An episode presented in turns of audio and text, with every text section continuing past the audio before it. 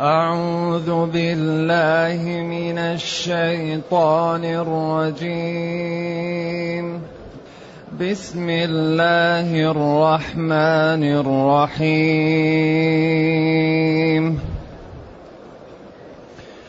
وأنا منا المسلمون ومنا القاسطون. فمن اسلم فاولئك تحروا رشدا واما القاسطون فكانوا لجهنم حطبا وان لو استقاموا على الطريقة لأسقيناهم ماء غدقا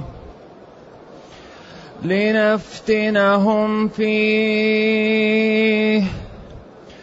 لنفتنهم فيه ومن يعرض عن ذكر ربه يسلكه عذابا ومن يعرض عن ذكر ربه يسلكه عذابا صعدا. وأن المساجد لله فلا تدعوا مع الله أحدا. وأنه لما قام عبد الله يدعوه كادوا يكونون عليه لبدا. قل إنما أدعو ربي قل انما ادعو ربي ولا اشرك به احدا قل اني لا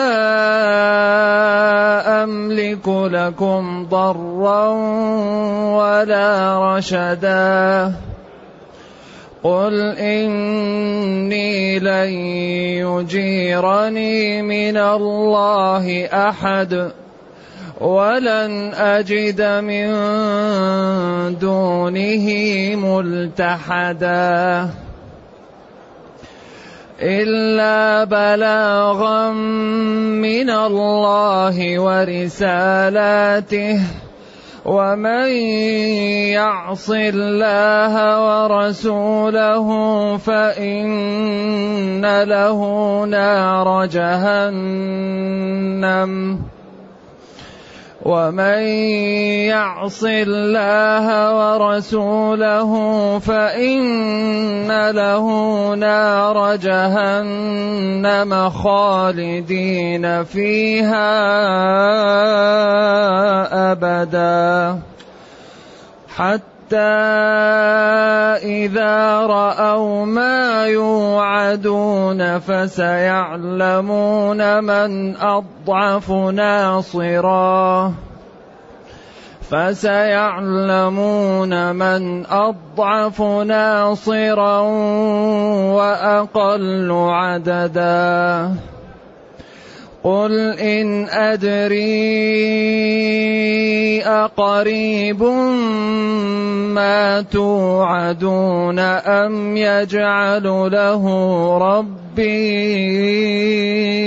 أمدا؟ عالم الغيب. عالم الغيب فلا يظهر على غيبه أحدا إلا من ارتضى من رسول فإنه يسلك من بين يديه ومن خلفه رصدا ليعلم أن قد أبلغوا رسالات ربهم وأحاط بما لديهم وأحاط بما لديهم وأحصى كل شيء عددا. الحمد لله الذي أنزل إلينا أشمل كتاب وأرسل إلينا أفضل الرسل وجعلنا خير أمة أخرجت للناس فله الحمد وله الشكر على هذه النعم العظيمة والآلاء الجسيمة والصلاة والسلام على خير خلق الله وعلى آله وأصحابه ومن اهتدى بهداه أما بعد فإن الله تعالى يبين ما للمتقين وما للمجرمين. فقال جل وعلا وإنا منا المسلمون ومنا القاسطون. هؤلاء النفر من الجن الذين أوحى الله إلى نبيه أن يخبر قومه أنهم استمعوا إليه بنخلة. قل أوحي إلي أنه استمع نفر من الجن. فهؤلاء يقولوا وإنا منا المسلمون ومنا القاسطون. أخبروا أنهم جماعة أسلمت وأحبت الدين وأصبحت دعاء. وجماعة قاسطون القاسطون الكافرون المجرمون. بخلاف المقسطون فهم المتقون الخائفون. القاسط المجرم الظالم والمقسط المتقي. نعم. وإنا منا المسلمون المستسلمون المنقادون الداخلون في دين الله. وسبق أن قلنا إن الإسلام والإيمان إذا اجتمعا افترقا وإذا افترقا اجتمعا. إذا جاء الإسلام والإيمان مع بعض فالإسلام المقصود به الاستسلام والانقياد الظاهر. والإيمان المقصود به إدخال المعلومة في القلب وإذعان يعني الداخل لها. وإذا جاء كل واحد منهم لحال جاء الإيمان الحال يشمل الإيمان والإسلام. جاء الإسلام الحال يشمل الإيمان والإسلام. أما إذا جاء مع بعض فيكون الإسلام المقصود به الانقياد الظاهر والإيمان المقصود به إذعان القلب وتصديقه. ولذلك قالت الأعراب آمنا قل لم تؤمنوا ولكن قولوا أسلمنا استسلمنا وانقدنا في الظاهر. ولذلك هؤلاء الشريحة كانت منافقة ولما يدخل الإيمان لم يدخل بعد لكن احتمال يدخل فيما بعد.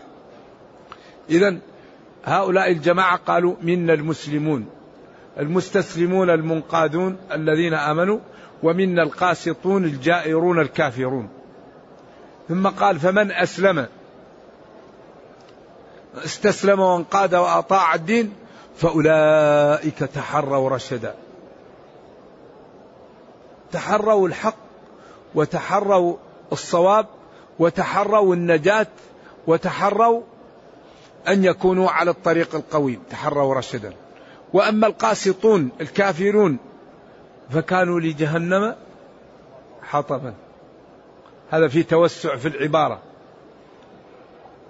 يعني هم كالحطب لأنهم إذا جاءوا للنار زاد ولعها وزاد ضياءها وقوتها كذلك الحطب إذا وضع في النار زاد.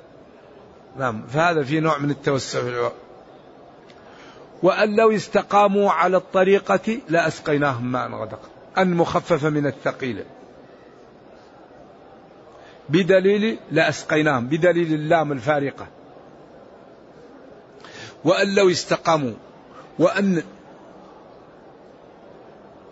حالهم وأمرهم الاستقامة وعدم الكفر لأسقيناهم ماء غدقا. ماء غدقا كثير من المفسرين قالوا على ظاهرها. أنزلنا عليهم المطر الكثير الذي به ينالون الخير. لأن كل شيء من الماء, من الماء وجعلنا من الماء كل شيء حي. وقيل الماء الغدق المقصود به الغنى والرغد والعافية. إما أن يكون الماء, الماء لو استقاموا لأنزلنا عليهم المطر والكثير المبارك وبه تنبت الأرض ويكثر الخير. أو المقصود بالماء الغدق هنا تعبير عن الغنى وعن السعادة التي تأتيهم. سواء كان هذا توسع في العبارة أو كان المقصود الحقيقة. فالخلاف تنوع. لنفتنهم فيه. أي لنختبرهم ولنبتليهم به. وكل الكون موجود للابتلاء. هذا الكون كله ابتلاء. الخلق للابتلاء. خلق الموت والحياة ليبلوكم. ولا يزالون مختلفين إلا من رحم ربك ولذلك خلقهم خلقهم للاختلاف وللرحمة. فالخلق للابتلاء. وهل المقصود بالأوامر التنفيذ أو الابتلاء؟ للابتلاء كلف الرقيب. فموجبا تمكنا مصيب أو أو المقصود أنك لازم تنفذ. قالوا لا. العبد قد يكلف بما لا يطيق. لكن هو عليه أن يعمل ما يستطيع وما لا يستطيع لا يكلفه الله له. ولذلك أحيانا التكليف يكون المقصود منه الامتثال. والله إذا امتثل العبد يرفع عنه التنفيذ أحيانا. أوجب عليه خمسين صلاة. نبينا صلى الله عليه وسلم جاء لموسى قال له أمتك لا تطيق. بعدين طلب التخفيف. حتى صارت خمسة قال له هن خمس وهي خمسون. ما يبدل القول لدي. من جاء بالحسنة عشر أمثالها. وقال لإبراهيم اذبح ولدك. إني أرى في المنام أني أذبحك. ولد وحيد. وأصبح يساعده ويبني معه الكعبة وهو كبير في السن. فلما أسلما استسلما وانقادا لأمر الله الابن والأب لأنهما صالحين. وتله للجبين تله نوموا على يعني طرف الجبين وأخذ المدية ليذبحه. وناديناه. أن يا إبراهيم قد صدقت الرؤيا إنا كذلك محسنين. بعدين قال الله بعدها إن هذا لهو البلاء المبين. إن هذا لهو البلاء المبين الذي لا وراء وراءه. رجل كبير في السن وعنده ولد واحد يقال له اذبح. وإبراهيم الذي وفى. كل ما أمر بشيء عمله. كان أمة. صلوات الله وسلامه عليه وعلى نبينا. إذا لنفتنهم فيه. نختبرهم. ومن يعرض عن ذكر ربه نسلكه يسلكه. ومن يعرض عن ذكر ربه يسلكه يعرضه ويسلكه. أو نسلكه الله. عذابا. صعدا يعني شاقا. فيه يعني إهانة وألم. وفيه لأن الصعود دائما فيه صعوبة. أي عذابا صعدا أي شاقا متينا قويا. ثم قال جل وعلا وأن المساجد لله. اتفقوا على فتح أن هنا. وأن المساجد لله. قالوا هذه معطوف على إيش؟ قل اوحي إلي. أنه استمع. وأوحي إلي أن المساجد لله. قيل إن كنائس النصارى وبيع اليهود يضعون فيها الأصنام ويشركون فيها ويدعون غير الله. فقال الله للمسلمين أن هذه المساجد لله. لا يكون فيها دعاء غير الله. أو على القول المرجوح أن المساجد هي الأعضاء التي يسجد عليها أن لا يسجد بها إلا لله. أمرت ان ان أن نسجد على سبعة أعضاء الجبهة واليدين والركبتين وأطراف القدمين. سبع لها أعضاء. هذه المساجد اللي يسجد بها لا يكون بها سجود إلا لله لا يسجد بها لصنم ولا لولي ولا لشيء. لكن المساجد هي أماكن السجود وهي أماكن العبادة. هذه ينبغي أن لا يجعل فيها الأصنام كما فعلت قريش وينبغي أن لا يشرك فيها بالله كما فعلت اليهود والنصارى. أن المساجد لله بنيت لله ولذكر الله ولعبادة الله فلا تدعوا مع الله أحدا فيها ولا في غيرها. ولذلك لما جاء الأعرابي وأنشد بعيره قالوا لا رده الله عليك. المسجد ما هو محل إنشاد الضالة.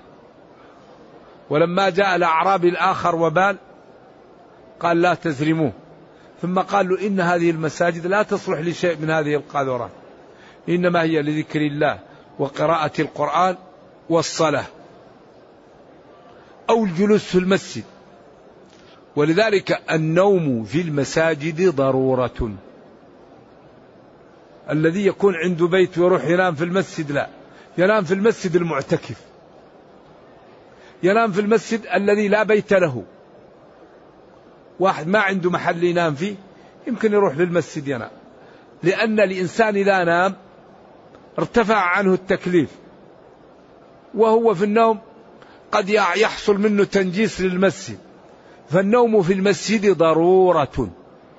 ضرورة. ليس الواحد أي واحد ينام لا لا ينام في المسجد إلا للحاجة. لأن هذه بيوت الله. أيوة هذه بيوت الله للصلاة لقراءة القرآن للذكر للاستغفار أو للعبادة في عبادة اسمها الاعتكاف. وأنتم عاكفون في المساجد. وعلماء المسلمين فيها بين بين تضييق وتوسعة. الشافعي رضي الله عنه وسعها ومالك رضي الله عنه ضيقها. فالشافعي يقول يمكن تعتكف لحظة. ولا يلزم صوم ولا يلزم. أنت مار بالمسجد تقول نويت الاعتكاف أو تضمره ما يحتاج تقول نويت وأنا اللحظة الذي نعطي للمسجد. مالك الاعتكاف لا بد فيه من الصوم ولا يطلب فيه العلم ولا تعمل في الاعتكاف إلا الأعمال المتح... المتمحضة ليوم القيامة. الأعمال اللي مشتركة في الدنيا لا تعملها في الاعتكاف. فهو ضيقها رحمة الله عليه. والشافعي وسعها وأحمد وأبو حنيفة رضي الله عن الجميع وسط. لذلك كثير من العلماء لا يرى في الاعتكاف مثل إيش؟ مثل النذر. لأن الاعتكاف يقول هذا عبادة متمحضة للآخرة فالذي لا يستطيعها لا يدخل نفسه فيها. لكن الذي يستطيعها يدخل نفسه فيها أجرها عظيم. كذلك النذر يؤخذ به من البخيل. ليش توجب شيء على نفسك ما أوجبه الله عليك؟ فلذلك الاعتكاف يعني عندهم لا يعمل فيه إلا ما لا عند مالك لا تخرج إلا لشيء لا يمكن غيرك يقوم به عنك. ولا تخرج عن المسجد إلا للضرورة أكل وشرب أو قضاء حاجة. ولا تتعلم علم ولا تتكلم. تقرأ القرآن تصلي تذكر الله وتسكت. وتقرأ القرآن قراءة يعني للعبادة. ما هي قراءة للحفظ؟ قراءة للعبادة تنوى بها العبادة. أما تعلم وتتعلم لأن هذا في جانب دنيوي يقول لك لا تفعل. الشافعي لا توسعها فلا تدعو مع الله أحدا. مساجد لله بنيت لعبادة الله لطاعة الله لإعلاء كلمة الله. لذلك يعني بعض الصلاة لا تصح إلا في المسجد الجمعة لا تصح إلا في المسجد. لا بد يكون مسجد ومبني ومهيأ ولا بد من جماعة محددة. وأنه لما قام عبد الله يعني في نخلة يدعوه يدعو الله تعالى كادوا يكونون عليه لبدا هذا فيه قولان للعلماء. القول الأول وهو القوي والسياق يعضده أنهم لما قام عبد الله يدعو ربه ويصلي اجتمعت عليه الجن حتى صاروا فوقه. القول الثاني وأنه لما قام عبد الله يدعوه كادوا يكونون عليه لبدا لأذيته وهم كفار قريش. لما دعاهم وبلغهم.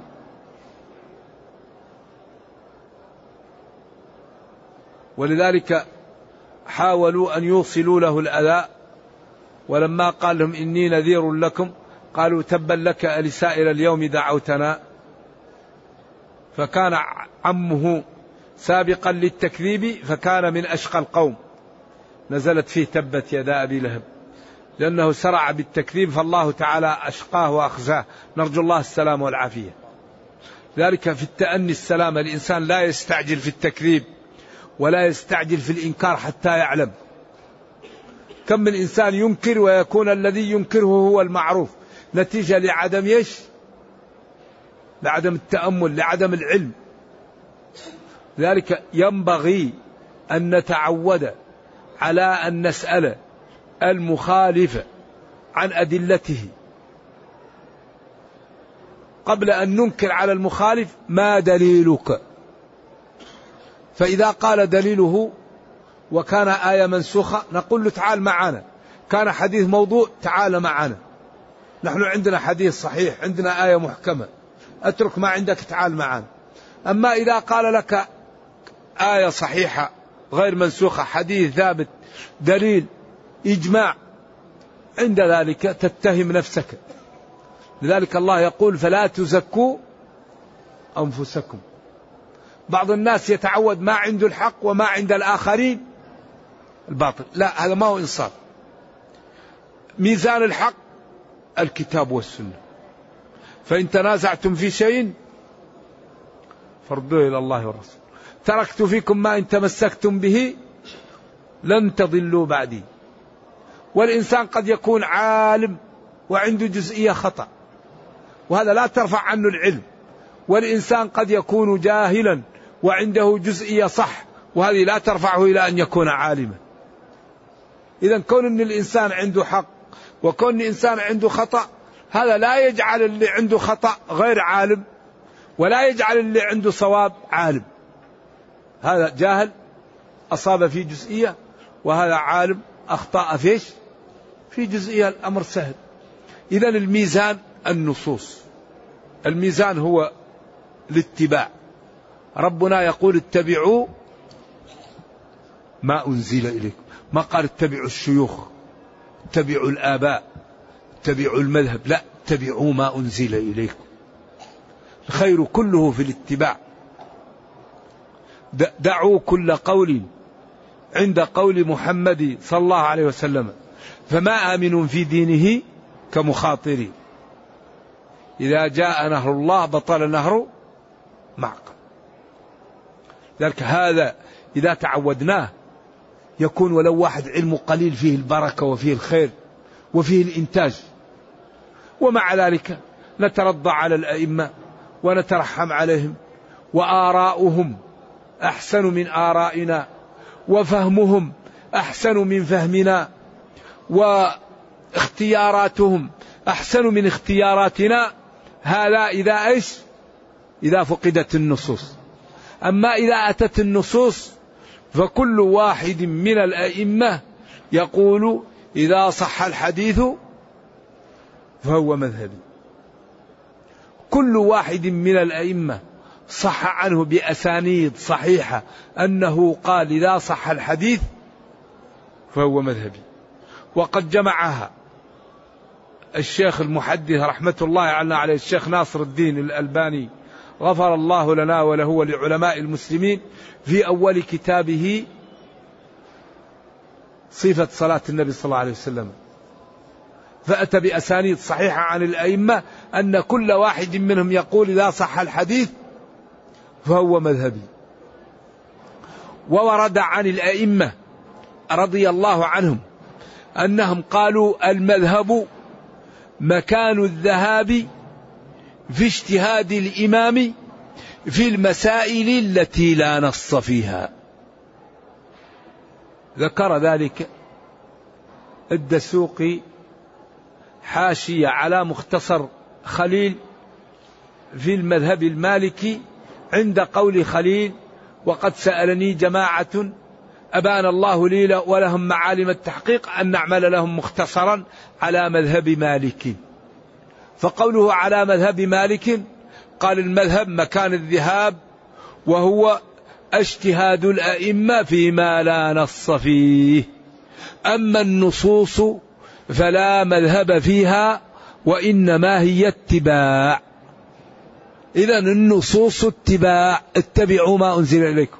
أما المذاهب فهو مكان ذهاب العلماء في إلحاق المسائل التي لا نص فيها بالمنصوصة. فهذه هي أماكن الاجتهاد. هذا هو المذهب. ذهاب الإمام للاجتهاد في المسائل التي لا نص فيها ليلحقها بالمسائل المنصوصة. أما النصوص فهي اتباع. وأنه لما قام عبد الله كادوا يدعو قام عبد الله يدعو ربه وهو محمد صلى الله عليه وسلم. كادوا يكونون عليه لبدا. أصلها لبد ولبد. أيوة. لبدة ولبدة ولبد ولبد. وهي الاجتماع حتى يكون بعضهم فوق بعض. ومنه اللبدة التي توضع على ظهر البعير أو الدابة ومنه تلبد رقبة الأسد لكثرة الشعر فيها. هل هؤلاء الجن الذين جاءوا للنبي صلى الله عليه وسلم في نصيبين؟ أو هل هؤلاء قريش كانوا يريدون أذيته وكراهية ما جاء به أقوال للعلماء؟ قل لهم قال قل كل ورد ذلك. قل لهم يا نبي أو قال لهم النبي صلى الله عليه وسلم إنما أدعو ربي ولا أشرك يعني أنت تترك آلهتنا. قالوا لهم أجعل الآلهة إله واحدا؟ إن هذا لشيء عجاب. قال لهم إنما أدعو ربي. ولا أشرك به أحدا. لا صنما ولا وليا ولا شيء. أدعو ربي ولا أشرك به أحدا. إذا قال له ربه قل لهم ذلك أو قال هو لهم ذلك. على القراءة في قل وقال. قل لهم يا نبي لا أملك لكم ضرا ولا رشدا. لا أملك لكم ضرا ولا رشدا. هذا الأسلوب يسمى احتباك. الضر يقابله النفع والرشد يقابله السفه. فقال هنا ضرا وترك النفع وقال رشدا وترك سفها ليكون الكلام كأن فيه احتباك يجمع هذا. أي لا أملك لكم ضرا ولا نفعا. ولا أملك لكم غواية ولا رشدا. هذا الذي يملكه من؟ الله. أنا أملك أن نبين لكم. أقول لكم اعبدوا الله ما لكم من إله غيره. أقول لكم فمن يشرك بالله فقد حرم الله عليه الجنة ومأواه النار.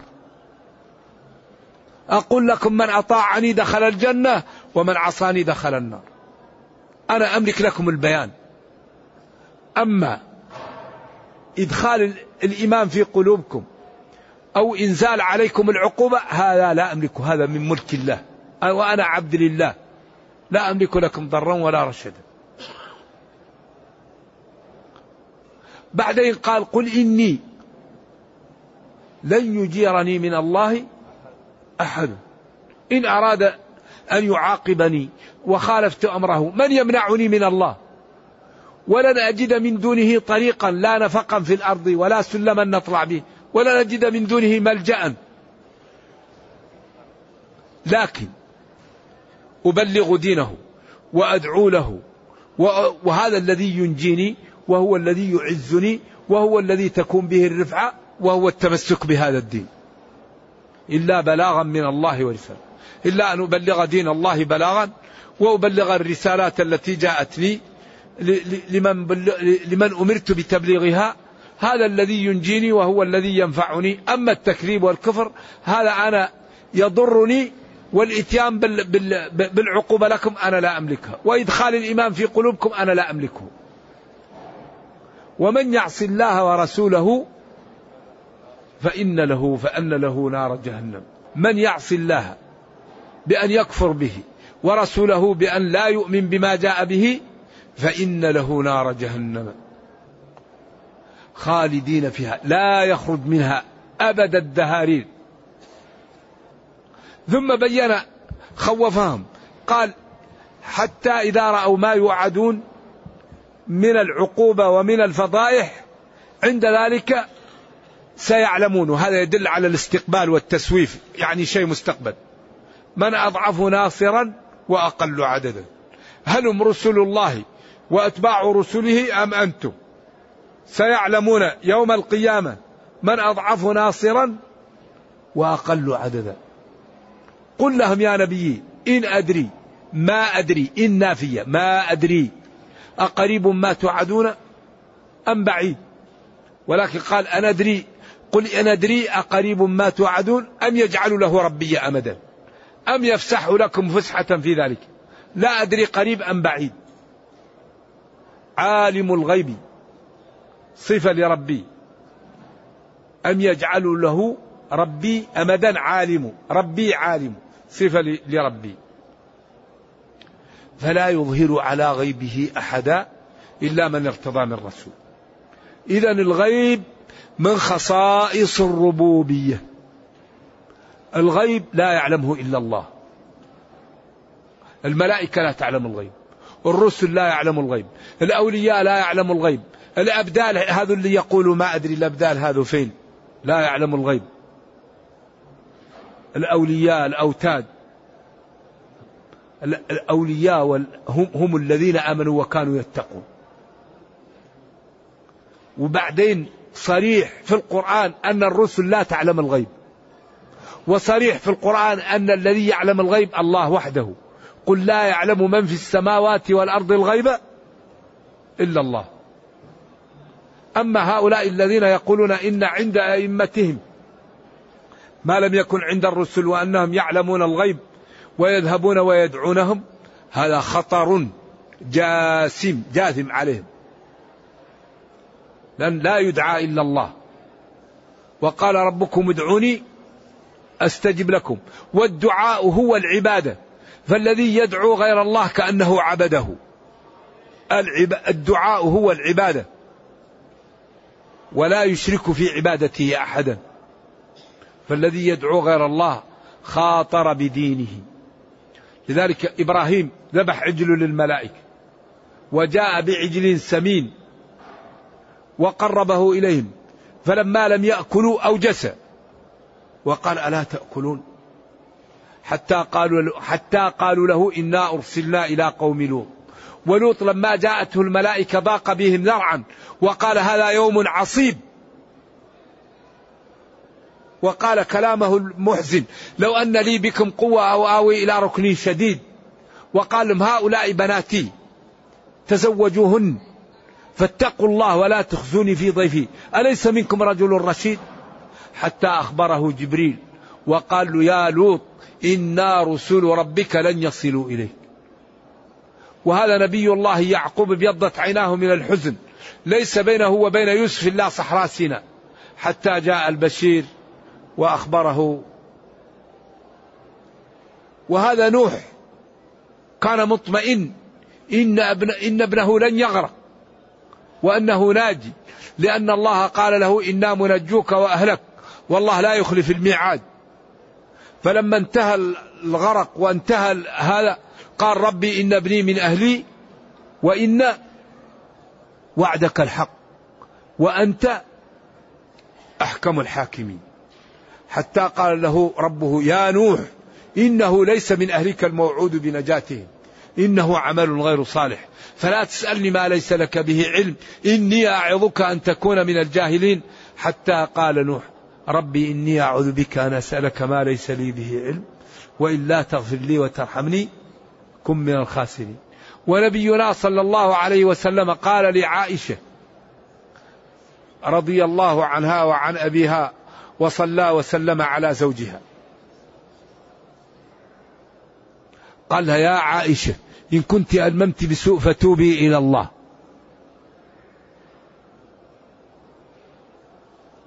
حتى أنزل الله عليه. أولئك مبرؤون مما يقولون. فإذا هو أسارير وجهه تبرق. وقال أما الله فقد برأك. قالت لها أمها قومي فاحمدي. قالت والله لا أحمد إلا الله الذي برأني.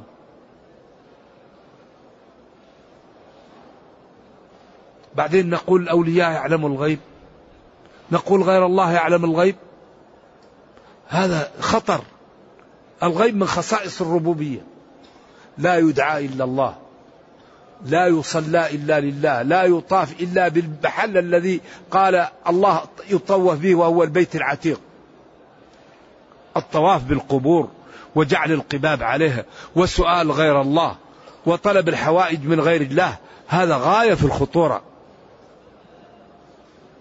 لذلك الله يقول وما أكثر الناس ولو حرصت بمؤمنين وإن تطع أكثر من في الأرض يضلك عن سبيل الله.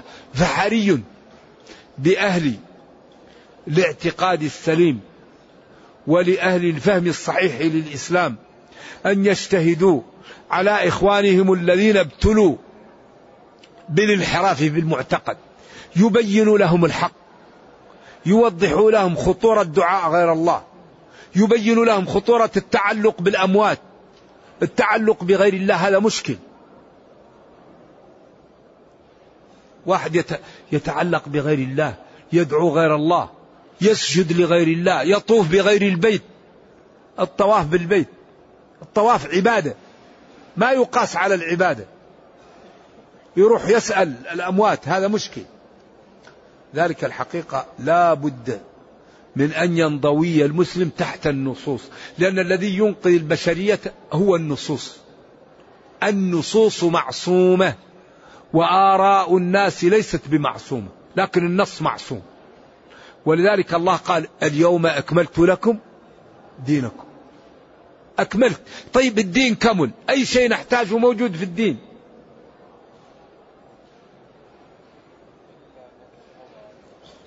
إلا من ارتضى من الرسول فإنه يعلمه الغيب. قال للنبي صلى الله عليه وسلم ستدخلن المسجد الحرام. فلما جاء صلح الحديبية قال له الصحابة قلت لنا تدخلوا المسجد الحرام. قال أقلت لكم السنة ستدخلون. ودخلوا. ولما ضرب يوم الخندق الصخرة قال فتحت لي قصور المدائن. وقال سراقة سيلبس أسورة كسرى. حتى جاء في فتحت لبسها له تصديقا للنبي صلى الله عليه وسلم. وجيش علي قال ابحثوا عن ذي الثدية. كان يعرف. فوجدوه. عند ذلك كثير من الصحابة رجعوا صار مع علي. وقال ان تقتلوا عمار إيش؟ الفئة الباغية. لما قتل عمار تجلت الأمور واتضحت. وقال يخرج من ضئضي هذا ناس يخرجون من الدين كما يخرج السهم من الرمية. كان هو أول بداية الخوارج من نسله. كل دين مبين فيه كل شيء.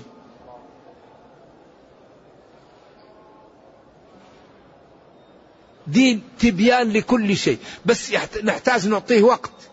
لا بد أن نعطي وقت لديننا نفهم نتعلم نقرأ بما كنتم تعلمون الكتاب وبما كنتم تدرسون لا بد من الدراسة. نثور القرآن. قال ابن عباس هذا القرآن إذا ثوره في كل شيء. قرأ عليهم سورة الأحزاب والنور في الموسم قال لو سمعها أهل الأرض لدخلوا في الإسلام. دين دين آية في, في الجمال وحل مشاكل الناس. بس ينبغي أن نأخذه إيش؟ بقوة ولا نكون نمثل دور المحامي الغبي. المسلمون يمثلون دار المحامي الفاشل. فنحن نحول بين الكفار وبين الإسلام بأخلاقنا وعدم ممارستنا لديننا وبالكذب والغش. لأن ديننا يقول لا تظلم لا تكذب لا تسرق لا تزني لا ترابي.